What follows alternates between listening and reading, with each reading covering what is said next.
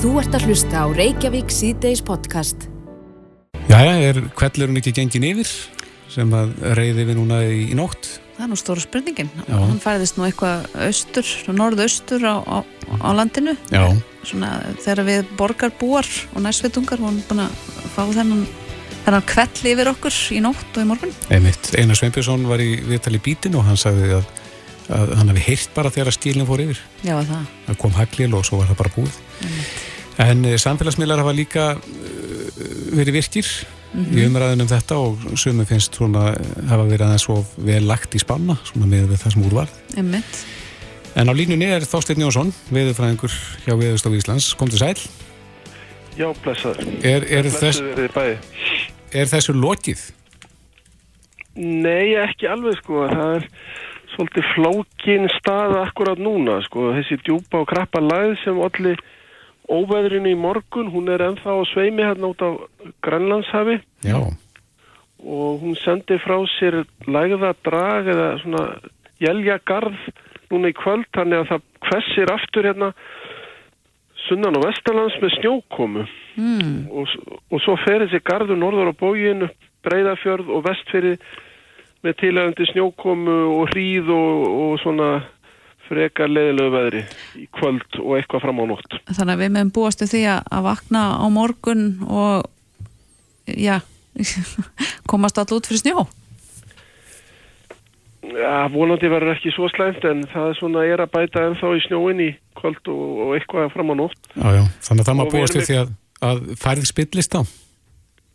Það er ekki ólíklegt en það er hún svona, sínist mér farin svona, hún hangi svolítið á, á bláþræði sko og, og hérna, það þarf ekki mikið til örgla til þess að teppa vegi og göttur.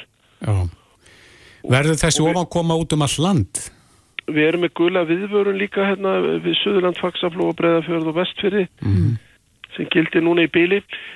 Það er nú mun hægari vindur á norður og austurlandi. Það eru alveg gengið niður veðrið þar og lítil úrkoma þannig að það er þokkalast að vetra við þar. Mm. Og ágætis færð eða hvað? Eh, Ég er ekki alveg nóg vel inn í færðinni, ég bara fylgist með hérna, heimasíðu vegagerðarinnar. Mm Það er nú einhverja lokanir ennþá á Norrlandi sínist mér og, og, og austfjörðum líka. Mhm. En maður veit ekki hvort það takist að opna allt í, í kvöld, ég bara veit ekki. Nei. En svona ef við lítum á spána eins og hún lá fyrir í gær, myndur þú segja að hún hefði gengið nokkuð eftir eða, eða var aðeins svo vel í lagt? Mm, ég held nú hún með ég segja að hún hafi gengið vel eftir sko. Mm. Það bara, þetta hérna, alvest að veðri gekk yfir hérna þegar mjög árla morgun, þannig að voru kannski ekki allir komin á fætur Mm og uh, rauðviðbörum var alveg, hún var, það var alveg innistæði fyrir henni sko. Mm Þannig að fólk hefur sofið þetta af sér. Ég held það sko og sem betur fyrir uh, var búið að vara vel við þessu þannig að menn hafi getað brúðist við og hérna tryggt hluti og komið í skjól svona fyrir áður en kvellurinn skall á. Náður þú að sofa þetta að þér, Þorsteinn? Mm, ekki alveg, ég, ég vaknaði í, í elsnæma í morgun. Já, til að taka stöðuna. Já, Já. Það má segja það og hérna, já. En hvernig er á svona dögum eins og þessum hjá ykkur á veðurstofunni? Er, eru allar símalínur rauðglóandi? Það er svolítið þannig, já. Svona allavega fram eftir degi. Mm. Þá getur þið að fara að róast eftir veðri, þá róast sími líka.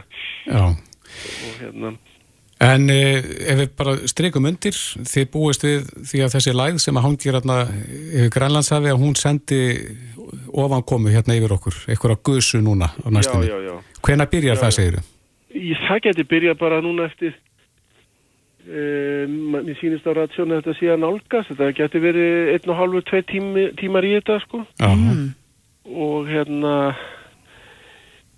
já og svo það er svolítið svona flóki veðri á morgun, ég veit ekki hvað vegum að fara mikið í það, það er svona í stuttumáli snjókom og, eða jæljagang og jafnveg slitta sýst en frekar úrkomulítið og þokkarið veður á norðu austamerlandinu en hérna það er líka norðaustan hríðaveður á vestfjörðum og við breyðafjörð á morgun og gula viðvaran í, gildi alveg fram á miðugdagsmorgun en Já. Já, já, þannig að það er svona, það er ímislegt að gerast ennþá, þó að sé nú kannski er langt frá því jafn slæmur kvellur og, og var núna í morgun. En við erum líka að horfa til þess að þetta veðrið er að ganga niður í, í bara svona þokkalega norðanátt með jæljum norðan og austalands á miðugudag. Kólnandi veður og en svona ekkit slæmt þannig. Nei, næstu dagar ertu farin að sjá þá? Já, það er svo sem engi, engi stóri kvellir á leiðinni virðist vera. Það er einhver smálaða gangur um helgina en ekkert svona í líkingu við, við, við þetta í dag, sko. Nei, nei, nei, nei.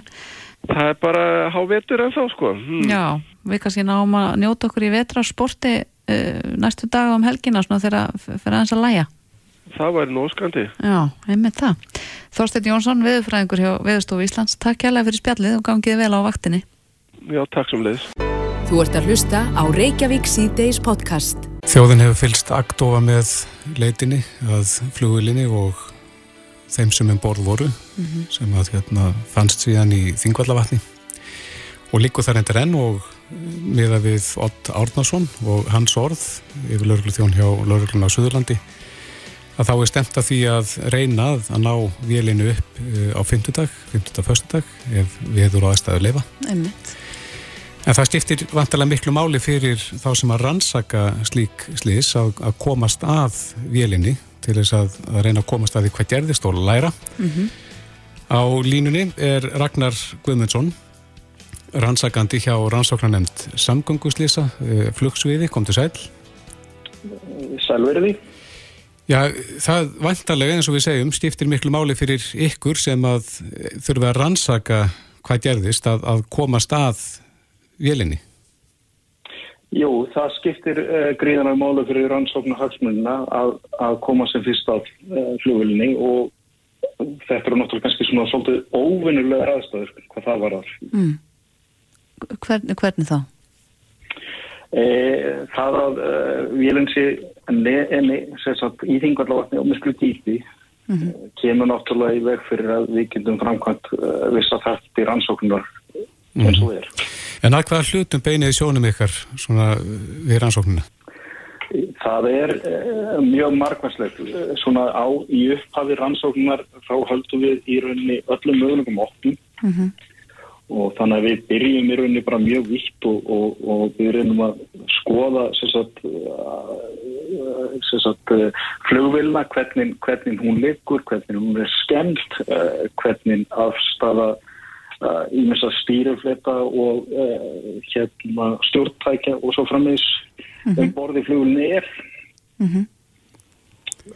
He, hefur, hefur það að, að hún liggi í vatni, hefur, getur það haft áhrif á rannsóknina? Það er að segja hversu lengi hún liggur í vatni og, og hversu langan tíma það tekur að ná hennu upp?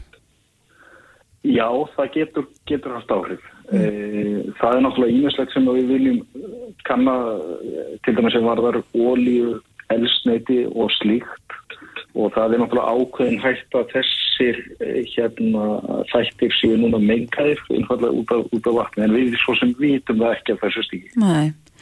Hvað koma margir að svona rannsó? E, það er svolítið misjætt eftir hvers eðlis rannsóknin er en, en hérna það er í rauninni rannsókn eh, er í rauninni miklu víðari heldur, heldur bara hérna á Íslandi. Það er þannig að, að, að það eru sem sagt uh, þetta er gert samkvæmt alþjóðlum sáttmála, þetta er byggt á uh, alþjóða flugsáttmálum frá IK og svo Evrópu reglugerð og síðan íslensku lögum og það er þannig að, að hérna, sem sagt, þar sem að flugslýsi verður, þá eru okkurna rannsóknar skildur á því ríki og svo eru önnur ríki sem koma að rannsókninu eftir þörfum og það fyrir svolítið eftir hvers eðlis e, flugslýsið er. En það geta til dæmis verið ríki framleiðanda, eh, ríki hönnuður og ef þetta er flugræstraðili þá eru ríki flugræstraðili og svo framleiðs. Já, já. En Ragnar, nú hefur kafbáturinn spilað stóra rullu, þessi íslenski kafbátur sem að fann vélina. E, getið þið nýtt ykkur myndefni úr, eða er mynd, myndavél á kafbátnum og, og getið þið nýtt ykkur það efni eitthvað við rannsóknina, svona á, fyrstu stigum?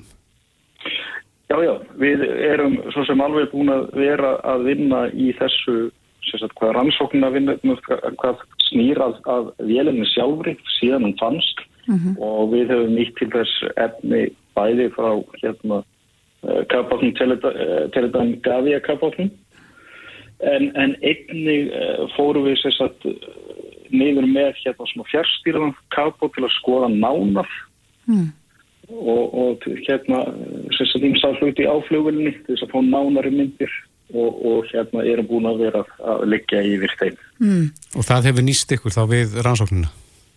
Já, já, bá, bá, bá, myndir frá báðum þessum tækjum hafa nýst gríðilega vel við rannsóknina en það er samt enn sem komið mjög mörgum spurningum og svarað og, og við þurfum að fá frekar í gott. Mm. Hvað maður búast við því að svona rannsók takir langan tíma? Það er erfitt að segja. Það er í rauninni hver rannsókn fyrir sig er einstök þannig að það er, er hérna í rauninni mjög erfitt að, að, að gefa upp einhver tímaskala en þetta er vanlega þannig að fyrst er svo kvöldur vetthánsrannsókn Mm -hmm. hún náttúrulega dregst svolítið mikið á langi núna einfallega vegna þess að, að ná uh, flugulinu upp uh, tefur þá rannsókn.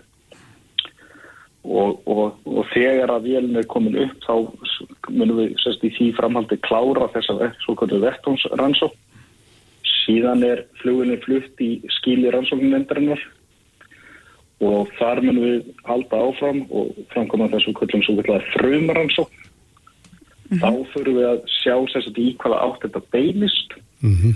og á samtímis erum við að afla uh, mikilvæg fjölda gagna það er svo vinslaði hefur reyndar alveg er hafið nú þegar sem að sér farið yfir samsvið og síðan í rauninni leiðir rannsóknir okkur bara í þá átt sem þetta beinist þannig sem þannig að við byrjum í rauninni bara að horfa mjög opið á þetta og, og síðan, síðan leiðir rannsóknir sagt, í, í, í rétt átt Mm -hmm. Er í svona vélum einhver svartur kassi eða, eða slík tekni? Nei, það er engin svartur kassi í svona uh, vélum eins og þessari. Það er, það er mikilvægt fyrir ykkur að fá vélina í hendurnar. Ef, ef, að, ef að vélinn kæmist ekki í ykkar hendur, væru þið þá í slæmi málum? Hvað var það rannsóknina? Já, þá einfallega verður bara mikið af spurningu sem verður ekki, ekki eftir að svara. Það, það, það er bara uh, að því hvernig rannsóknir byggðar upp, þá byrjum við og förum niður og ef, ef við höfum ekki vélina þá eru bremsir hættir, þættir sem er ekki eftir að svara. Mm. En sínist þér vélinn vera heileg, svona það sem hún leikur? Já, hún, hún verðist vera mjög heileg. Mm. Einmitt það. Já, við vonum að, þetta gangi vel og uh, sendum uh, um leið innilega samúða hverjur til þeirra sem eigum sárt að binda. Ragnar Guðmundsson, rannsakandi á rannsakun nefnd samgöngu Slisa á flugsviði. Takk kærlega fyrir spjallið. Gangi ykkur vel. Já, takk fyrir. Þetta er Reykjavík C-Days podcast. Já, mennur að gera þessu upp stöðuna eftir óveðrið sem mm -hmm. ekki við landið núna í nótt og í morgun. Emitt, var fengið fréttir af því í morgun að það hafi verið ramagslust við það. Mm -hmm. Já, einhverju stöður á brotnuðu. Mm -hmm. Emitt. En það er spurning hvernig rávorku kerfið hefur og hvort hefur ekki staðið af sér þannan storm að mestu leiti. Á línunni er Steinun Þásnæsdóttir, upplýsingafulltrúi landsnits. Kom til sæl? Já, komið sæl. Já, hvernig stóð kerfið af sér stormin? Herðu, flutniskerfið stóð bara ágætlega. Í raun og veru gekk þetta bara betur en við kannski áttum vonu. Mm -hmm. Við vorum búin að vera eins og aðri náttúrulega að fylgjast með veðurspám og, og þetta leiti ekki sérstaklega vel út. Þetta, þetta var einhvern veginn allstæðar á landinu og hérna, þetta var svolítið eins og horfið kristalkúlu að, að velta fyrir sér hvar mögulega gæti orðið tröflarni á línum. Mm -hmm. En þegar upp var staðið þá hérna, komum við þokkalega undan oftinni. Mm. Hvar örðu helstu vandræðin? Það byrjaði í bara, bara rétt ára stormur skall á þá var smá rámasleysi á höfuborgsvæðinu mm -hmm. sem er nú ekki algengt. Þannig að hérna, okkur bránum svolítið við það en sem betur fyrir var það stutt rámasleysi. Hvað óttið því? Það komið bílun í Nóðaraholtslínu mm. sem er lína sem liggur frá Garðabæ yfir í Hafnafjörn hefur örgulega séð þessi möstur í hvað í hlýðinu við Víðastafa. Já, já, var það bílun sem að hafði ekkert með veðrið að gera? Sjálf þess er ekki, við vitum það ekki, það er bara verið að skoða það núna. Mm. En svona annar staður á landinu, hvernig, hvernig var staðan? Svo fengum við ramasleysi á í Borgafyrði og Snæfisnusnu. Það er línur dutt út tvísæri nótt en í bæðiskiptin var það frekar stuð strömleysi líka. Mm -hmm. Það var líka stuð strömleysi í kringum höfni hartnaferð. En eins og segja þegar uppestæði þá voru þetta ekki marga mínútur og, og sem betur þegar á já, nóttu til þegar flestir eru sovandi. Mm. Já. En það voru einhverju störa sem að brotnuðu í óverinu. Þetta eru vantarlega þá þessir bara gömlu tréstaurar, er það ekki? Þeir störa sem brotnuðu voru ekki í flutniskerfinu. Þeir voru í dreifikerfinu hjá Rarik sem eru já, minni staurar en okkar. Það, við, við vorum mjög heppin í þetta skipti að það verði ekki stjón á, á staurum. Mm. Þannig að við komum, eins og segi, bara vel, vel undan þessu. Það er nú vantarlega mikið gerst frá því að óveri gekkirni við landið uh, síðla árs 2019. Er, búið að breyta miklu í rávorkukerfinu síðan þá? Sko það er náttúrulega búið að styrkja að hluta af kerfinu. Við lærðum alveg helling af þessum veðrum og nýttum okkur það núna, veist, þegar vorum að virka ferla og fleira eitthvað í dúra. Það fer alltaf á stað ákveðið, ákveðið ferli þegar við hefum vona á, á svona veðri. Við Við fundum til og með stíkt með veðfræðingum og, og þetta er nú orðið svo ótrúlega nákvæmt að það líkuð að við getum ringt í kristalkúlu og sagt þarna verður tröflun og þarna verður ekki tröflun. Já, já. Þannig að, að við færum það fólki okkar til, þú veist, en, en línu er gengið hver mögulega þeir fyrst að færi að þau fyrst að færi viðgerðis mm -hmm. og líka með tengjöverkin okkar. Og það er það sem við erum að gera í dag. Þá var stormurinn sé hérna genginu á mestu í landi, þá er þá er ekkert góð spá í kortunum fyrir flutniskerfi. Það er, það er spáð seltuværi sem er ekkert gott fyrir línutan okkar á tengverkin. Hvernig þarf að bregðast við því? Við erum að manna ákveðin tengverki. Við erum von að seltu, já, raun og verið frá Brennimell, Búrfellsfæðinu, Snæfisnesi og allarleið í Dalina. Mm -hmm. Þannig að við munum manna ákveðin tengverki og svo erum við búin að smerta okkar verktaka og slökkulið á sæðunum til að, að hjálpa okkur þá að bregðast við eða þarf að smúla tengvirkinn. Væru þessi, já, væru þessi vandamál úr sögun ef að línutan væru neðanjarðar? Sko þau, það sem snýra tengvirkunum er náttúrulega þau væru úr sögun ef að tengvirkun væru yfirbygg. Er það mikið mál að gera það? Það er það sem við erum að gera núna með öll nýjum tengvirkun. Mm. Þetta er bara ballu tíma, þessi útivirki. Mm -hmm. Þannig að öll nýtt tengvirki sem við erum að byggja eru yfirbygg og þá er, mm. já, ég segi ekki selt ár sögun en í það minnst að minna vandamál. Mm. En, en megalandsmenn búast í frekari tröflunum eins og segir, þá er þetta náttúrulega ekki búið eins og við heyrðum líki við fræðingi á þann? Já, það er eins og segir, við gætum, ef við lendum í þessari selt árum, þá hérna gætum við átt vona á tröflunum en En vonandi ekki, vonandi sleppum við jáfnvel í nótt og við gerðum síðustu nótt. Hvar gætu þessar turblanir helst orðið þá? Þetta er þá á þessu svæði hérna í kringum Brennimeil í Kvalsverðinu, á Búrfellsvæðinu og jáfnvel á Snæfellsnesi. Mm -hmm. Og ef að vestu spárganga eftir þá er jáfnvel hrútatunga undir og það er nú já, eitt af okkar frægu tengvirkjum sem fór mjög illa út í desemberverðin eða í desember 2019. Eða mitt. Já. En, en hvernig er það, uh, læriði eitthvað af öllum óveðrum þó þau sé ekki svakalega eins og þetta fyrir nefnda óveður í desember 2019? Já, við gerum það. Það er alltaf lærdómir í öllu svona og, og það er raun og verið alls saman hvort að það snúi að mennun eða, eða bara upplýsingaflæði og, og spjalli eins og við eigum við ykkur að það skiptir náttúrulega ótrúlega miklu máli fyrir okkur að, að fólk viti strax hvað er í gangi mm -hmm. hvert á að leita eftir upplýsingum og ekki síst sko ef að línan er úti og það er rámasleist hjá mér, hvað gerist næst? Því við lifum náttúrulega í samfélagi sem er orðið ótrúlega rafrænt og hérna þólum ekki mikið rámasleisi hvað, þegar að ramag verður út, hvað er, hvað maður fólk búast við að, að ramagsleysi vari lengi? Það er ótrúlega, það er í raun og reykt að segja það, það fer bara eftir hvar, hvar ramagsleysið er, sem staðar eru við með varafl, sem við getum kert upp strax, til dæmis eins og norðanverðum hérna vestferðum mm -hmm.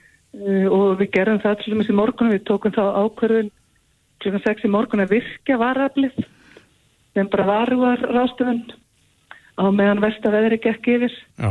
þannig að þá hefðu ekki ef línur hefðu farið út, þá hefðu ekki lendir á matlösi. Hvernig er varaflið knúið? Það er með dísel Já, akkurat mm. Já, uh, við skulum vona að sem minnst gerist uh, í þessu sem eftir er Nákvæmlega, við, við verðum bara vaktinni og, og hérna, fylgjast með flutniskerfinu. Já, Steinu Þorsteinsdóttir, upplýsingaföldur úr landsnett. Kæra þakki fyrir þetta og gangi ykkur vel. Takk sem að leiðast, bless. Þetta er Reykjavík C-Days podcast. Reykjavík C-Days, það stýttist í kjör eða að KSI komið saman mm -hmm. og kjósin í hann formann Já, og stjórn. Emmitt, ástingið fer fram 27. februar Já. og fyrir daginn dag mm -hmm. var ein, ein manneskeið frambóðið á Vanda Sigurgjörnstóttir sem er núverandi formaður KSI Emmitt. en í dag bættist annar í formannslægin Já, Sævar Pétursson sem að er uh, framkvæmtastjóri Káa á Akureyri er á línu, kom til sæl. Komið sæl. Já, þú hefur ákveð að taka slægin Já, ég hérna hefur hugsað þetta aðeins í þessu daga og svo svona um helgina þá ákvaði ég að stökka á vagnin og, og taka slægin og er að gefa það út í dag. Ég segist eftir eh, formastólunum og, og, og fyrir þessar baratu og við sjáum hvað, hvað verður á næstu dögum og vikum. Mm, hefur þetta blundað í þér lengi? Erstu búin að ganga með þessu hugmynd lengi í mánum? Nei, ég ætla ekki að segja það. Það, það er ekki launingum á. Ég held að sé rúm vika síðan að svona þetta fór eitthvað kvissast út og þá hafði ég aðeins rætt þetta við nokkra aðila og svona ákvæði að gefa mér góðan tíma til þess að hérna, velta fyrir mig svona kostum og göllum við það að fara og sækjast eftir þessu svona pínu að fara út í að vera ofinbér aðli og, og, og opna á alla dýr mm -hmm. að, og svo eh, var það eiginlega niðurstaðin eftir gott samtal kannski hérna helstu í fjölskyldunum helgina að að láta slæg standa og þetta verður bara vundi spennandi og skemmtileg dagar framöndan. Mm -hmm. Hver er þið þín svona áherslu mál ef þú erðir og næðir kjöri? Já, sko, fyrst og fremst eh, þá, þá vil ég aðeins end, endur vekja hvað ég segja, samtali við svona félagin í hreyfingunni. Það hefur allavega mitt mat og hefur aðeins svona hvað ég segja, lengst leiðin fyrir félagin að reysli knæspiti sambandins og ég vil svona aðeins endur veikja það og, og, ég held að ég sem er þína reynslu innan úr hreyfingunni eftir að hafa starfað það bara í fjölda, fjölda ára og langar svona aðeins að já, bara ítæðins við og, og starfa fyrir félagin í, í landinu. Mm, þú þekkir þetta af einn reynslu? Já, já, ég hef búin að vera í Já, sem frangöndastjóri ég er bara tíu ár hindi núna síðustu mannamót og þar áður sem þjálfari og leikmaður og staðið að alls konar sjálfbóðilega stjórnum bæðið sem foreldri og tekið þátt í krakkamótum og, og finnst svona e, mín þekking og reynsla bara að hafa mikið að gera til þess að ég eiga geta verið fínast í formaður. En hefur þú upplifað eitthvað sambandsleysi við reyfinguna, þar sé KSI, svona sem frangöndastjóri? Ég, ég ætla nú kannski ekki að, þú veist, mála skrattan of mikið á vekkin en, en okkur sem erum að reka félun finnst, finnst vera svona öllitið, eh, hvað ég segja, bíl á milli þess, þeirra okkar hugmyndar og, og svo kannski þeirra hugmyndar sem hafi verið innan vekkja knæstundarsambandin síðustu missið og, og fyrir það vil ég svona aðeins bæti eða lykka, skulum við segja, samskipin þar á milli. Mm. Er, ertu með fleiri mála á stefnusgráni? Já, já, auðvitað, veist, ég er rekstramöður og mér langar að það kíkja ofin í reksturinn á þess að ég ætla að fara eitthvað gaggrína hann á þess að vera búin að setja mjög vel ofan í hann. Við veitum alveg hvað það hefur geysað á knastbyrnirhefingunni og bara samfélaginu síðustu misseri. Þau máli eru eitthvað sem við þurfum alltaf að vera á tánum gagvast og passa sér í góðum farveg og vel unnin, þannig að það er partur af þessu. og að sjálfsögðu viljum við bara efla alla umgjör sem hættir í kringum knöftumum okkar og, og það er bara því ég stend fyrir. Já, það hefur líka verið mikið rætt um nýjan þjóðarleikvang og hefur verið kallað eftir honum í langan tíma. Hvað stendur þú kakvart því máli? Við, að sjálfsögðu það bara það sem við verðum að gefa meir í. Það er bara ekkert launungumála þjóðarleikungur okkur í lögadal er orðið batsist tíma og, og alls konar undan þáum en En á sama tíma eru við að klíma við sama vandamáli í öðrum boltagreinum, þannig að þetta er bara samtal sem við í Íþróttarhengu þurfum að herja á ríki og sveitafélög og, og finna lausn. Ég, ég hef trúið því að þessi finna lausnir og þegar þessi mál áfram þetta er gert allt í kringum okkur og lítur að hægt hér líka. Mm, þá þjóðarleikvangur eða Íþróttarþorp í lögadalum? Já, ég, ég held að það sé nú fyrsti kostur allra að þetta sé í lögadalum. Ég menna það hefur verið svona mekka íþróttan að hinga til og ég held að sé nummer 1 og 3 viljið til að halda því áfram. Mm -hmm. Þið hefði tvö eh, bóðið ykkur frá núna, þú og, og Vanda. Uh, áttu vona því að þetta verði eh, ekki síður að kynjana þegar það kemur að, að þessu vali? Sko, ég... Á það að vera það? Nei, að mínu veit ekki. Þú veist, uh, við eigum bara að koma fram með okkar mál og, og, og kynna þau og fyrir hvað við stöndum. Uh, það má ekki glema því líka og kannski bara fýnda í að því að það er verið að fara að kjósa í stjórnina líka, ekki bara formann og, og þar er vöndun á fólki og ég hvet bara sem flesta sem hafa starfað í þjóttarhengun hafa áhuga að vinna þessum málum að bjóða sér fram þannig að við höfum líka frambóð þar við þurfum að hafa fulltrúa kjósu þannig að heilingin geti valið sér sinn forman og sína stjórnamenn mm -hmm. á í slíkri reyningu ekki vera sjálfkjöri, við hefum að geta haft kostningar og valið það fólk sem okkur lýst best á mm. uh, Hvað gerist núna? Nú ertu búin að ofinbera þetta hvernig ferðu nú í það að reyna fisk eftir atkvæðum?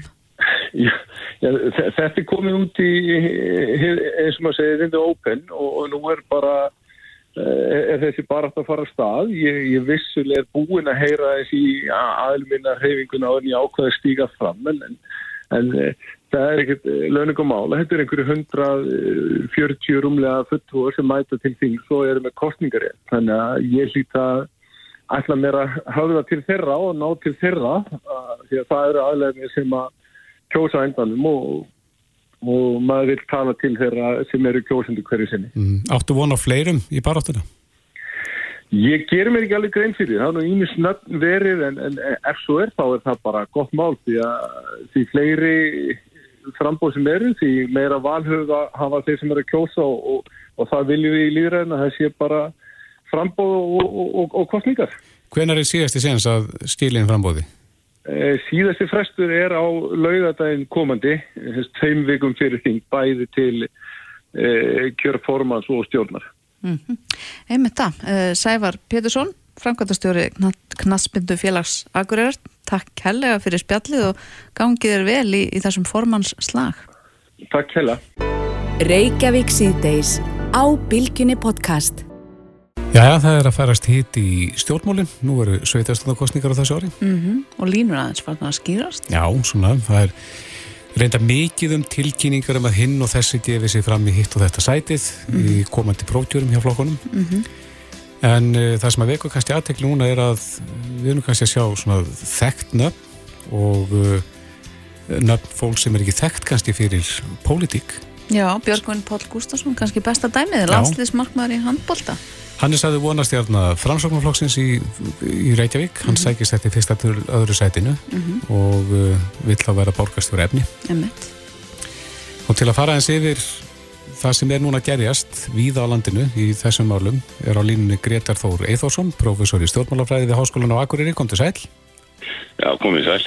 Sýnist þið vera öðruvísi stemning í loftinu svona í kringum þessa sveitastáðarkostningar heldur en þær fyrri, svona þegar það kemur að mannavali? Það sýnist mér nú ekki svona í fljóta bráði mm. þetta er nú svona óskuð svipa það sem að hefur náttúrulega ekki aðtegli hinga til er það hvað margir alltaf ekki að halda áfram mm -hmm. Já Þannig að það er kannski það sem er er svona bragurinn á því en Svona einhver endur nýjun? Já, við erum að sjá líklega fram á tölvöld mikla endur nýjun. Segir það okkur eitthvað um pólitíkin? Er, er fólk orðið þreytt á eh, þessum barningi eða? Já, getur verið. Ég held að, held að hérna, það er alltaf aukast þessi verkefni sem að sveitaði félag stór og smá uh, hafa með höndum og fólk sem er kannski bara í einhverjum hlutastörfum við að vera fulltrúar það, er, uh, það verður bara lúið á, á, á hérna eðri kvöldvinnu mm -hmm. sem er kannski ekkit endilega og volað vel borguð sko Nei. en, en svo er þetta líka sem svo ég hef nú nefnt einhverstaðar áður að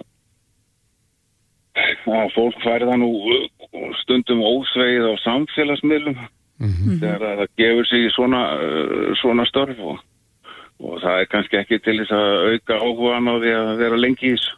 Þannig að þú telur það að spila inn í eða sem sagt, eina af ástæðanum fyrir því að það, það er svona hröð endurnýjun á þessu sviði. Það gæti verið sko. Ég, ég er svo, nef, þetta er nú svona tilgáta hjá mér sko.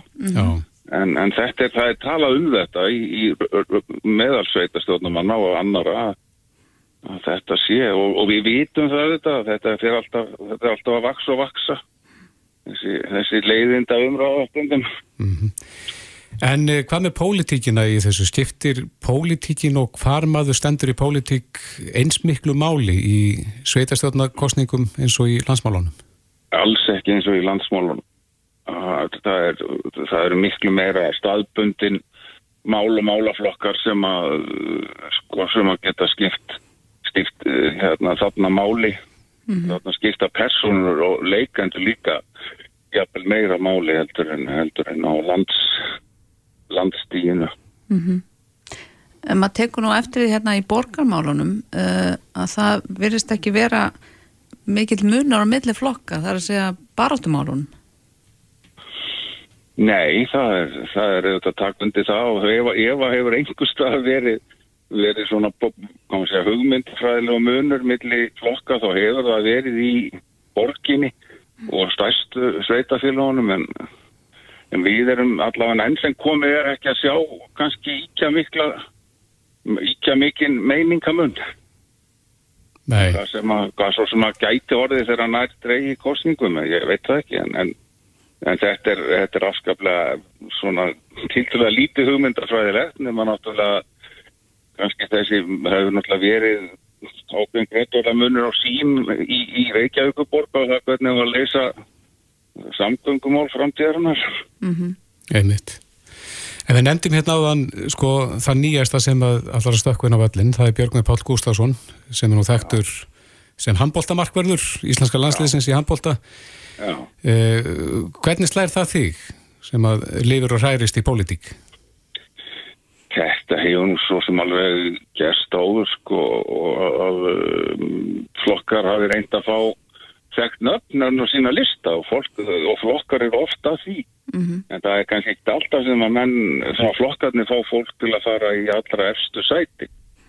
Það er svona... Er það kannski- óvanalegt í þessu tilfelli að Já, svona frekar sko, þeir hafa nú oft, oft, oft reynt að skreita listan með, með því að vera með stekt nöfn úr ídróttum og listum og öðru ofalega sko, en, en þetta, þetta er aðeins svona, svona skarpari nálgun, nálgun við þetta og, og þá nú er svo bara komið í ljós hvort að framsókn nær eh, einhverjum nýjum atkvæði með þessu, það það er svo sem ekkert sjálfgefið, Nei, nei. Eh, nei, nei. En gæti tilkoma svona karakters eins og Björgvins Pál sem kemur úr svona allt annari átt uh, kryttaða eins þessa kostningabaratu? Já, ég hugsa það. Það er allavega gæti orðið til þess að það verði einhverjir hópar sem að fengi áhuga á því að fylgjast með þessu sem að kannski annars hefur ekki gert það. Mm. Já, að ná til breyðari hóps. Já, jafnvel. Og það er verið fróðlegt að sjá hvort að, hérna, ef, ef að hann verður nú kosin í fórustu að framsók, hvort að það muni, þýða það að þeir, þeir fái kjörin borgarfulltrúa. Mhm. Ein, einn eða fleiri. Svo maður náttúrulega reyndar nefna að það er reyndar sko handbóltakapp og akkur gamal, gamal reyndur sem er, er búin að lýsa yfir frambóði í efstafætti hjá sjálfstæðisflokknum. Já, hver er það? Heimir Örn Átnason heitir hann, er mjög þekktur handbóltamæður hér reyndar um, um all land og en ekki, sérst, ekki síst hér á. Einmitt. Þannig að, það er annar dæmi í gangi, sko. Þannig að þetta er tími handbóltakappana núna? Já, ég á ekki að segja það. Má reynd- reyndar, sko, nefna einn gamlan handbóltakappa í viðbót og það er Guðmundur Átni Stefánsson sem er náttúrulega fyrirhandi ráðherra og sendiherra og þingmaður. Einmitt. Ha- Hann er líka gammal handbóltakappi, sko. Já, hann var mjög, hann var mjög dáður sem eh, bæjarstjóri á sínu tíma í hefnafyrði Já, já, áður en hann gerðist ráð þeirra. já. Já, já. Hver, hverju spáuru honum núna í komandi kostningum? Ég held að það sé afskaplega erfitt að spá, sko, hvað, hvað hérna, auðvitað á hann öruglega eitthvað uh, fylgi í, í einhverjum kreðsum hann, en ég er bara ekki nægilega vel að mér inn í, inn í þessari hafnafjara pólitík til þess að átta mig á því hvort að hann, hvort að hann muni fyrsta lagi verða efstur í, hjá samfélkingunum og þá í öðru lagi uh, velta meirhlutanum, sko. Þetta er svona, Mm. en svo langt síðan hann var í pólitík líka. Mm. Uh, við fengum nú líka fregnir af því hérna um helgina að það hefði verið hart barist í, í prófkjöri sjálfstæðismanna í Moselbæ um, það er svona spurning hvort þetta sé einhver fyrirbóði, fyrirbóði um hörkuna sem verður í, í kostningun ekkert endilega ég, það, er ganga þarna einhverjar ásakanir um, um það að sé verið að verið að rýfa upp og, og, og, og, og rifja upp eitthvað gamalt hjá fólki eða einhverju sem að standa því nærri þetta hefur nú stundum fyllt prókjörum gegn, gegnum áratugina og, og þetta er ekkert nýtt eh, nýtt undir sólinni ef eitthvað svona kemur upp Nei. Spáuru spennandi kostningum í vor? Já, ég held að geta orðið það ekki síst í borgin, ég held að það er hljóta að vera svona augu allra munni beinast að því sko svo geta náttúrulega komið fleiri sveitafjölu það sem er verið mjög fróðlegt að sjá, sjá útkomuna. Já, einmitt. Ja, þegar við vorum að nefna hérna Björg með Pál áðan að framsóknum en hafa nú ekki reyði feitum hesti hér í borginni. Nei, alls ekki og mjög erfitt uppdráttar. Þangað til reynda síðast sko um í alþingiskostningunum þá fengur gott fylgi en svo er bara spurningin var það persónu fylgi ásmundar einas eða, eða mun það skila sér sko. Mm. Einmitt. Einmitt. Getnin, það, er, það er það sem maður veldi fyrir sem maður, maður, maður er ekki alveg viss. Nei, nei. Mm. Nei, það er ennþá einhver óvissa við höldum áfram að fylgjast með kostningabortunni og, og býðum spennt eftir sjálfum kostningunum um, Gretar Þór Eithórsson professor í stjórnmálafræði við Háskólan á Akureyri Takk kærlega fyrir spjalli Takk sem leys. Reykjavík síðdeis á Bilginni podcast. Jæja, vetrar olimpíuleikarnir, þeir eru byrjaðir. Já, margir fylgjast spenntir með Já, ég hef svolítið gaman af stökkinu. mm. Ég held að þetta sé mjög skemmtilegt sport. Já, ég er mjög veik fyrir skíðaskot fyrir mig Já, Mér finnst það ótrúlega spennandi Mhm. og við vorum að ræða hérna fyrir í dag af hverju Íslendingar stunda þetta ekki meira einmitt, blanda saman og hvernig dætt mér mjög að blanda þessu saman? Þess að ganga skýðum og stjóta. Einmitt, og það er náttúrulega ótrúlegt að fólk nái að skjóta svona og hitta í mark Já. magnaður Þú þarf nefnilega að hafa öndunina nokkur rólega Mhm. þegar þú tekur í kikkin. Þannig að eftir hraða göngu, þá er þetta meira en að segja það. algjörlega En e, þetta er nú stund að einhver stað er að það ekki á landinu. Aðalega fyrir norðan held ég. Já, ég mér skist að sé fyrir norðan á Ísafyrði og eitthvað svona gerist hérna í Reykjavík en eh, Einar Ólafsson, formaður skíðagöngunemndar skíðasambands Íslands, veit meira um það Kondun og sæl, Einar Já, komið sæl. Þú kannski leiður okkur í allan sannleikan um það hvar eh, er þetta stundað á Íslandi?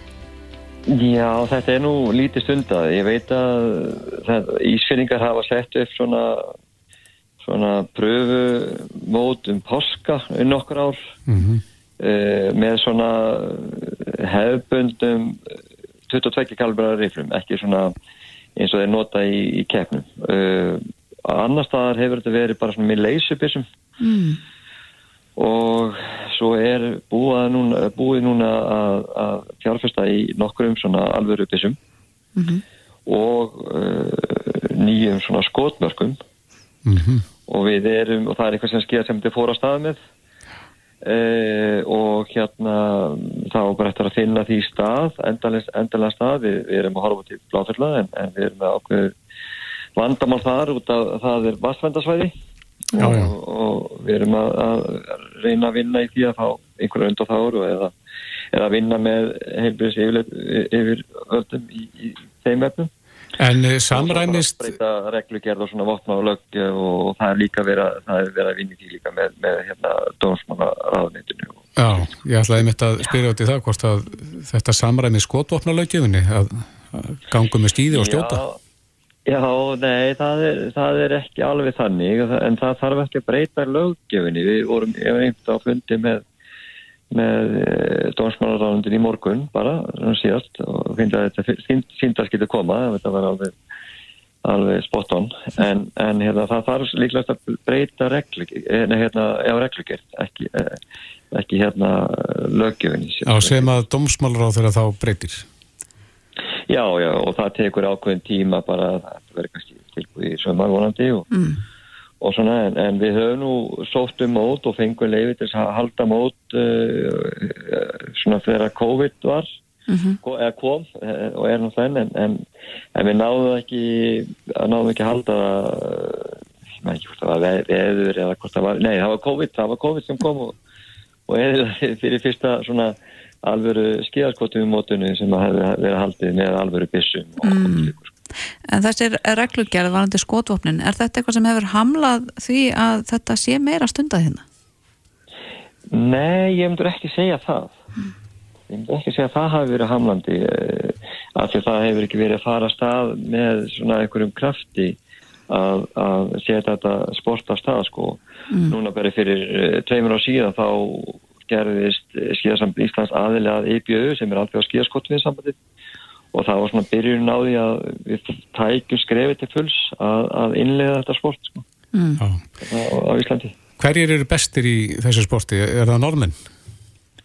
Já, það eru normenn og sví- svíjar og, og svo eru eh, einn og einn í eins og Ítalir eru góðir, frakkar hafa verið góðir e, nokkri sko Getur við orðið góði í þessu hér, Íslandingar? Já, ég, akkur ekki, ég meina við erum alltaf að skjóta rjúpur og veist, nei, við erum með, við erum með við, ég held að við hefum til dæmis mjög góða eh, skyttur eða sem svona sem er að keppa í, í skotfinni Já. og Koma þeim á eru bara? náttúrulega Frá, ha, já, koma þeim á skíði eða, eða setja riffilin á Snorra Einarsson og Já. sem er að standa sér aldrei vel núna í, í Beijing í Kína Emmi, það er, það er pæling. Það er náttúrulega eh, margir líka sem stunda skíðagöngu á Íslandi. Það er nú svona sport sem hefur vakið miklu lukku undanfarið. Já, það er bara algjör sprenging bara um allt land, sko, það eru eins og blágóðan degi á bláfyllum, það eru 1-2 manns sem að skýða þetta og, og góð, góð, góð við, viðri stegi, sko. Mm. Þannig að er, það er mikil, mikil sprenging í í þessu. En eina menn er að stunda þetta hérna, hvað er þetta stór hópur, cirka? Skíðagangan, eða Og skíðaskotum? sportið. Já, sko, skíðaskotfimmin er nánast engin eins og er. Af því að þetta er bara í, svona í starthólunum, sko. Við erum bara að, segi, að reyna að breyta reglugerðinni til þess að, að auðvelda að setja upp æfingar og æfingaðstöðu og, og, og mót, þannig að fólk geti gengið að þessu sem vísu, það getur bara farið og far, mætt með riffilin á svæðið, það er náttúrulega ákveðan reglur sem að, við þurfum að fylgja varandi öryggisatriði Mm sem að við gerum í samverðunni við bara laurugluna Mm. og, og þannig að við erum að, við erum að reyna að forma þetta svolítið þessa dagana að bæði með þá reglugjörðabreitingum og svo þurfum við að og vinna þetta með lauruglunum að útbúða öryggisvæði í kringum þetta allt saman og, og allt bara samkvæmt e, stöðlum og, og þar til gerðum reglum sko. Já, er, er mikill áhugi fyrir hendi? Finnur þú fyrir því? Já, ég finn fyrir því sko þegar, að- þegar þetta kemst í umræðu á, á það er nokkra síður, svona Facebook síður og, og þegar maður ræður þetta svona við kollega uh, mína í sportinu Mhm. að þá er mjög mikil áhuga fyrir þessu sko. Þannig að þetta gæti farið ört vaksandi þegar um, við byrjum. Já, ekki spurning sko. Meira heldur en stokki sem að þú veist sem að heldur sem er dottið því miður út fyrir en, en já, ég held að þetta, þetta gæti orðið svolítið að þetta svona vikar út sporti skíða, skíða hérna gangu sporti sko. Já, akkurat. Já, það er bara vonandi að við munum eitthvað tíma negnast fulltur á olimpíuleikum í, í þessu. Já, já, það er aldrei að vita sko. En fyrst þarf að byrja. Fyrst þarf að byrja og það er akkur það sem að skíða sem þetta er að gera. Við erum að reyna að búa til vöruna mm -hmm. þannig að fólk geti uh, gengið aðeins sko. Já, frábært að heyra. Eh, Einar Ólásson, formaður skíðagöngu nefndar Skíðasambands Ísland, þú býður okkur Kristófur í brekkurnar þegar, þegar þið byrjið, þegar þetta allt komið. Já, já, ekki verðing. Takk fyrir spjalli í dag. Já. Jæja, vetrar. Hlustaðu hvena sem er á Reykjavík C-Days podcast. Hefur tekið eftir Kristófur að það er merkilegt mm -hmm. þegar að þekkt íslensku vörumerki breyta eins til, uh, sín okkur nýjar umbúðir eða einhverja nýja vöru sem er búin, búin að vera í þróun mm -hmm. þá skapast hálgert stríðs ástand á samfélagsmiðlum. Fólk, fólk skiptist í tvær fylkingar annarkort elskar breytingarnar eða hata þær mm -hmm. og förum svona svolítið að rýfast um þessi vörumerki okkur Já, það síðasta sem ég man eftir það var bónuskrísin Já. Þegar maður nákvæða að teikna hann upp á nýtt Það var náttúrulega skellur fyrir marga. Það var uh, lagaður eins til lögnana En það voru ekki, þetta fóru aukt ofan í marga.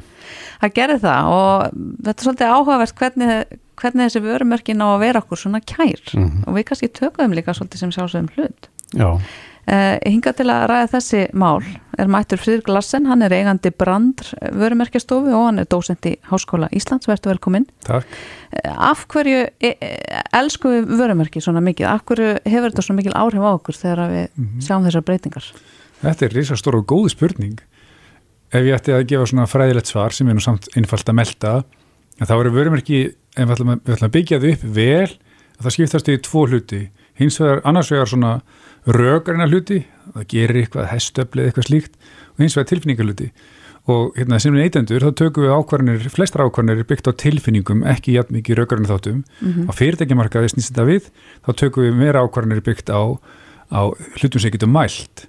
En af hverju, hérna, elsku, við bara erum bara við erum vörumerkin og vörumerkin eru við, þau eru hluta okkar lífi og ykkur verið að breyta hluta okkar lífi þá hefur við skoðun á því. Mm. og þetta, þú nefndi bónusgrísin þetta við gerst bara svo oft í sögunni bara með pipsúklaði og, og fleiri hluti það sem að hérna, royalbúðingur neitt sett sem vorum að ræði með það mm -hmm. fólk hefur bara skoðun á þessum hlutum og vegna þess að vörumerkin lifa í huga okkar Þannig að það er bara rosalega eðlilegt að þeir eitthvað sem að lifir í huga okkar og einhvern fyrir að breyta því að það hefur skoðun á því. Mm. En eru fyrirtækin að taka stóran séns með því að ráðast því svona breytingar?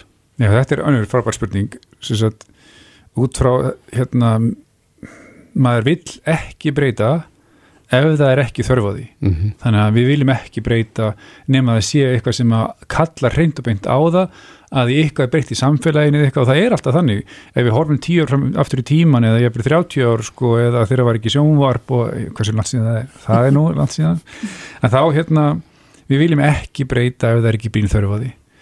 Og hérna en eins og tilvikið sem nefndum áðan sko með grísin sko það var, það bara, það var margt sem kallaði á breytingar sérstaklega því hvernig við byrtumst almenningi. Að hann skalaðist illa upp og niður vond að nota sérst, í, í rafrænum auðvilsingum mm -hmm. en, en, en byrsi frá grísnum, það er bara almennt viljum ekki breyta það, en það er svolítið við erum svolítið gjörn á það og það gengur ekki nógu vel fyrir bara í rýbranding eða endurumörkun sko, yfirleitt ránd Já, ok, en það er náttúrulega ekki öll vörumerki jöfn, sum vörumerki er okkur kærari heldur en önnur. Mm -hmm. er það mikil um, er það ekki mikil verk og þar maður ekki vera svona klókur til þess að ná að skapa og þróa vörumerki sem að verður svona samofið þjóðinni? Jú, sko hérna og við náttúrulega í okkar uppbeldi í þessu herbyggir var mismöndi aldrei sko, það er eitthvað sem lifi með okkur en almennt sko snýst þetta ekki með að fá góða hugmynd og keira á hana, það snýst um að hanna vörumerkið út frá okkur um fyrirfram ákveðinu fósendum, mm. þessi fyrir hvernig það er og hvernig við viljum það byrtist einhverju markkópum, það er að segja einhverjum kallum eða konum, nefndum eða ekki háum eða lágum tekjum endalusum breytum sko, út á landi eða Reykjavík og svo framvegis. Þannig að það á ekki að vera svona einhverjum svona háð, einhverjum svona bara eitthvað fekk frá bara hugmyndu útfærið en það er almennt ekki þannig, sem eru hefnir og það gerist þannig, en bara núna á fymtudaginn þá eru við að veita viðkenninga fyrir bestu vörmerki Íslands mm -hmm. og þar eru við að velja þau byggt af mjög svona skýru, skýru, skýru kriterju annars vegar hversu strategísk eða stefnumótandi þið eru og, og allir þessu þáttu sem að hef, hefur með hann að skiplæring að gera og hins vegar þessi hugranni þáttu sem er svona hönnun og, og, og bara útfæsla á hugmyndum. Mhm. þannig að þetta tvent þarf að fara saman. Er þetta í fyrsta sinn sem að vörumerkið, besta vörumerkið er valið? einu sinna áður, við veldum í fyrra í fyrsta skiptið og þá voru það sérst, í fjórum mismöndi flokkum. Mhm. á fyrirtækjamarkað annars vegar og neittnamarkað hins vegar. 50 eða minni eða 50 eða stærri. Og, og á, á einstaklismarkaði stærri fyrirtæki vann 66 norður og omnam fyrir minni fyrirtæki. Mhm. og svo einu meninga á stærri fyrirtæki fyrirtækjamarkaði og alfreð á minni fyrirtæki Mm. og það sem ég veist skemmtilt við þetta, því kannast við omnám því kannast við hérna 66 og Mhm. kannski þeir sem eru að hlusta að meningamargir en ekkit endilega allir við alfreð eða, eða bara meninga á alfreð. Þú þarft ekkit að vera mest þekta vörumerkið til að vera best. Þú þarft bara að vera best fyrir þinn markkóp sem er svo mikilvægt. Að því það er, þú vilt þarft ekkit að höfða til allra þú ert að höfða til þess hóps sem að þú vilt tala við Mhm. En ég velti fyrir mér, svo við tölum nú aftur um bónusgrísin, Já. að þá hafði fólk kannski fyrir breytingar ekkit sérstakar skoðanir á því hvernig hann leit út. Getur verið að við tökum þessum vörumerkjum bara sem sjálfsögum hlut og þau eiga bara alltaf að vera til staðar fyrir okkur. öruglega sum okkar en aftur á móti held ég sko þegar að vel tekst til eins og vel tókst til í tilviki bónus að þegar við horfum tilbaka og berum saman jafnvel þeir sem að voru mjög ósáttir þegar þetta var sjá, heyrðu, já það var nú kannski bara eitthvað viti í þessu nú skil ég af hverju að þessu en við sjáum það klárlega ekki strax Mm. og hérna og, og það stóru fyrirtækjum út í heimi sem er að breyta eh, kannski breyta bara örlitlum hluta á hverju ári þangatilið komast í mark af því þið vilja ekki vera að reyfa við markaðinum á mikið Mhm. þið vilja bara gera þetta hægt og rólega Mm. að því einmitt að því við eigum svo mikið í fyrirtækjum eigum svo mikið í hluteld í vörumerkjunum Mhm. En talandi um uh, að koma inn á völlin með, eins og stormsveipur Já. uh, Boost er til dæmis fyrirtæki sem að Já. nánast engin vissu um hér á Íslandi Já, já. í dag vita nánast allir hvað Boost er Já, já. er þetta gott dæmi um svona inn með látum og, og að hérna negla vörumerkið inn. Já, sko, það er hægt að koma inn með látum og standa sér svakalega vel. Það er hægt að koma inn með látum og standa sér illa. Já. í þessu tilöki hefur bara allt verið vel gert eða flest sem maður horfir á svona, ef maður reynir að tekja ykkur bóks um hvað er vel gert að þá hefur flest verið gert vel hana Mhm. það byrtist á réttum stöðum með samfærandi skilabóð tala vel til markkópun og svo framvegs og framvegs þannig að það er bara dæmi um bara vel hefnaða markasetningu myndi ég segja, ég þekki það ekki til en ég bara horfa á það sem, eins og við hinn sko. Mhm. og maður hugsa, wow, þetta var flott hjá þeim. En, en eru þessi fræði sífælt að, að þróast eða er þetta alltaf sami grunnur? Þú þarft að vita við og. Já, sko, þetta er, hérna, þín marga góða spurningar, þetta er nú kannski svo best að hinga til, málið er að við er, það er nákvæmlega það sem við erum að gera, það er, grunnurinn er ekkert mikið að breytast, að því við sem neytundur, við sem einstaklingar, bara lifandi sálir, við breytust ekkert mikið, við erum eins og við vorum fyrir þúsundunum síðan, jú, byrtingamyndir, ímsu gjörðum okkar eru öðruvísi, en við breytumst ekki, við elskum og hötum og, og, og allt þetta, og þannig að ef ég ætla að vera gott fyrirtæki og er með velskilingarna markkóp að þá er ég alltaf að segja það sama aftur og aftur að því það passar við þennan tiltekna markkóp. Mhm. Tökum bara dæmi nefnundur í háskóla eða nefnundur í framhaldsskóla, segjum það bara ef þið hugsa tilbaka sko, þau kannski lítaður vissu út en þau hegða sér eins þau gera viss, saman hlutina og ég er 50 sko, og ekkert lands ég byrja að nota gle, glerugu fjarsýtin og allir í kringum mig voru á sama stað.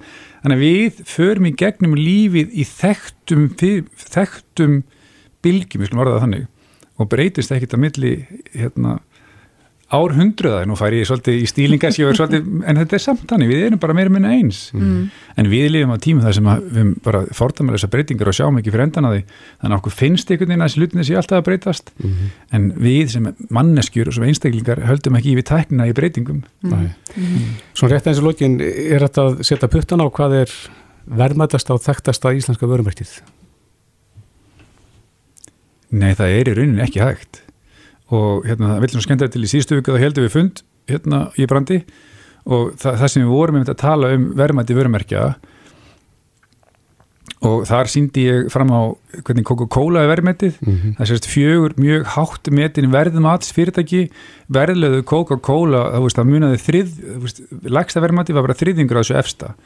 Tæk, þetta er ekki fullkomnara heldur en það og ef maður ætlar að mæla það sem er í huga fólks eins og hérna velunin, hérna, viðkenningarnar bestu íslensku verðmarkin að það er ekki mælt út frá verðmæti heldur hversu vel staðfært fyrirtækið er það er að segja hversu vel að tala við sinn markkóp mm. þannig að það er ekki hægt að svara þessu með skýrum hætti því miður. Þetta kallar á aðra keppni og, og meiri rannsóknarvinnu fyrir brandur. Já, allir þekki. En við hlökkum til að sjá Já. hvaða vörumerki verða kosin þau best á Íslandi núna í þessar vika á 50 daginn. Algjörlega. Eh, Fridrik Larsen, eigandi brand vörumerkja stofu og dósend í Háskóla Íslands. Takk kærlega fyrir komina. Mín ránægin, takk. Reykjavík síðdeis á bylginni. Já, það var fyrirsögn uh, í DMF í morgun sem vakti aðtekli mína. Já. Sökkerberg hótar að loka Facebook og Instagram í Evrópu. Já, þetta er því stjallur fyrir marga. Já, ég, ég, það má ætla það en hugsanlega himnasending fyrir þá sem eða alltaf miklum tími síman. Nei, mitt. hvað, hvað þýðir þetta? Af hverju er hann að hóta þessu? Eh, það er varandi það hvort hann fá að vinna úr uh, personu greinanlegum upplýsingum mm -hmm. um uh, Evrópubúa. Sem að Facebook gerir í dag. Já, einmitt. En uh, við erum búin að sláða þráðan til hans Valgis Magnússonar hjá Pipar auðlýsingarstofu til BFA. Mm. Góðan og blessaðan daginn. Já, góðan dag. Þú kannski getur sagt okkur betur nákvæmlega hvað þýðir þetta? Af hverju er Sökkerberg að hóta þessu? Já, sko, hann uh, er í vandræðum að því að fjall dómir í Ísturíki ekki fyrir svo lengur síðan. Mm. Það sem að bæði Google og Facebook eru að uh, vinn úr gognum sem er aflað í Európa. Mm -hmm en unni úr þeim í bandaríkanum og uh, það eru sikkur lögin í á þessum svæðum hvernig þú fara með persónulsingar mm -hmm. og það er verið að skilda um að vinna í Evrópu þessu gögg sem að uh, verða til í Evrópu. Og uh, þeir eru ekki til að blega sundið það. Google hefur bara vita á því að þeia en, en, en, en Sökkenberger hann er svona byrjar að flexa eitthvað Já, þannig að deilan snýst ekki um það að það megi ekki vinna þessar upplýsingar, það er bara spurning hvar það er gert. Já, og það þarf að gera þannig að það Európa-sambandi getur samvægt að síðan að vinna það eins og lögin segja tilum. Mm. En, en uh, er þá ein leiðin fyrir Sökkerberg að opna metaskrifstofur uh, innan Európa-sambandsins eða hvað? Ég, ja, það eru metaskrifstofur í Írlandi til dæmis, en uh, gögnin eru unnin í bandaríkana og það er það sem má ekki mm, En er þá ekki leikur eitt fyrir hann að færa gagnavinnsluna? Jú, en þá þarf hann að fara eftir uh, reglunum í Európu og það er það sem hann er í segja með þessi leiðinni að hann ætlar ekki að passa upp á persónavend eins og Európu uh, lögin segja til um sko Hvaða, hvaða upplýsingar eru þetta sem er verið að vinna? Vil, já, sko, þeir sem eru notendur á, á, á metaheiminum, það sapnast um ykkur fullt af persónulegum gögnum mm -hmm. Sem hann vil nýta og selja og þetta er náttúrulega bara risa business. Þau velta 117 miljardum bandaríkjadala og uh, það verður meira að vinna til á því að selja upplýsingar um ykkur. Veit Súkaberger meira um okkur en við sjálf? Já. Það er bara svo leiðis. Allavega hann veit meira en þú myndir vilja láta uppi. Mm. En, en, hver líklegur er hann, þú segir hann sé að flexa, hann er svona aðeins að sína sig, en uh, getur hann haldið þessu til streytu, mun hann ekki tapa á því að... Jú, þetta er svona eins og að uh, vera að gera all in í póker en það vita allir út ekki með neitt á hendi. Hann er svo eini sem tapar á því að lokast. Mm -hmm. Európa-sambandi tapar ekki neinu, hann er ekki að borga neina skatta í Európu. Uh, það eru 310 hérna, miljónum notenda í, í Európu. Það er eins og allir íbúið bandaríkjana. Mm -hmm. Ég held að Sökkaberg er að kleima því að Európa er svolítið starri eldur en bandaríkinn. Mm. Og það er svolítið mikið peningum í Európu. Hann er ægilega bara að hagnast af notendum í Európu og bandaríkjana miklu minna af öllum öðrum mm. Þannig að hann myndi með þessu bara búa til gat í markaðin fyrir einhvern annan að verða til og hann fær, fær það speys aldrei tilbaka ef að fólki byrja bara að breyta hefum sinni Nei, en þú segir að það hefði dómur fallið í Östuríki, sagður það ekki? Jú uh, Er sá dómur, gildir hann þá á öllu svæðin eða hefur hann eitthvað, eitthvað fordæmistífandi gildi? hann gildir innan Európa-sambassins mm. Og, og það mál var gegn Google en sama á við um Facebook og það er það sem að þetta reyðvildi stendur um. Hmm. Jáhá, uh, ég var nú að segja hérna á hann að líklegast verði, er þetta bara himnasending fyrir okkur? Er það kannski ofur einföldun ef að við Íslendingar til dæmis myndum öll hætta á Facebook og Instagram? Já, hvað myndur ekki, það er ekki bara ápaslega mikið á TikTok? Já, er það? Er það málið? Það færis bara á milli? Já, það verður bara nýtt plattform, sko. Já. Við erum ekki, við erum ekki að fara að hætta að hérna, glenna okkur eða samskipti. Þannig að við erum ekki að fara að eða meiri tíma með fjölskyldunum okkar? Nei, það er bara einhver annað sem er að fara að graða. Já, akkurat, þetta færis til. Já, og fólk bara býr til, það var verið nýtt plattform um leið og, og fólk fyrir að nota það og Mm.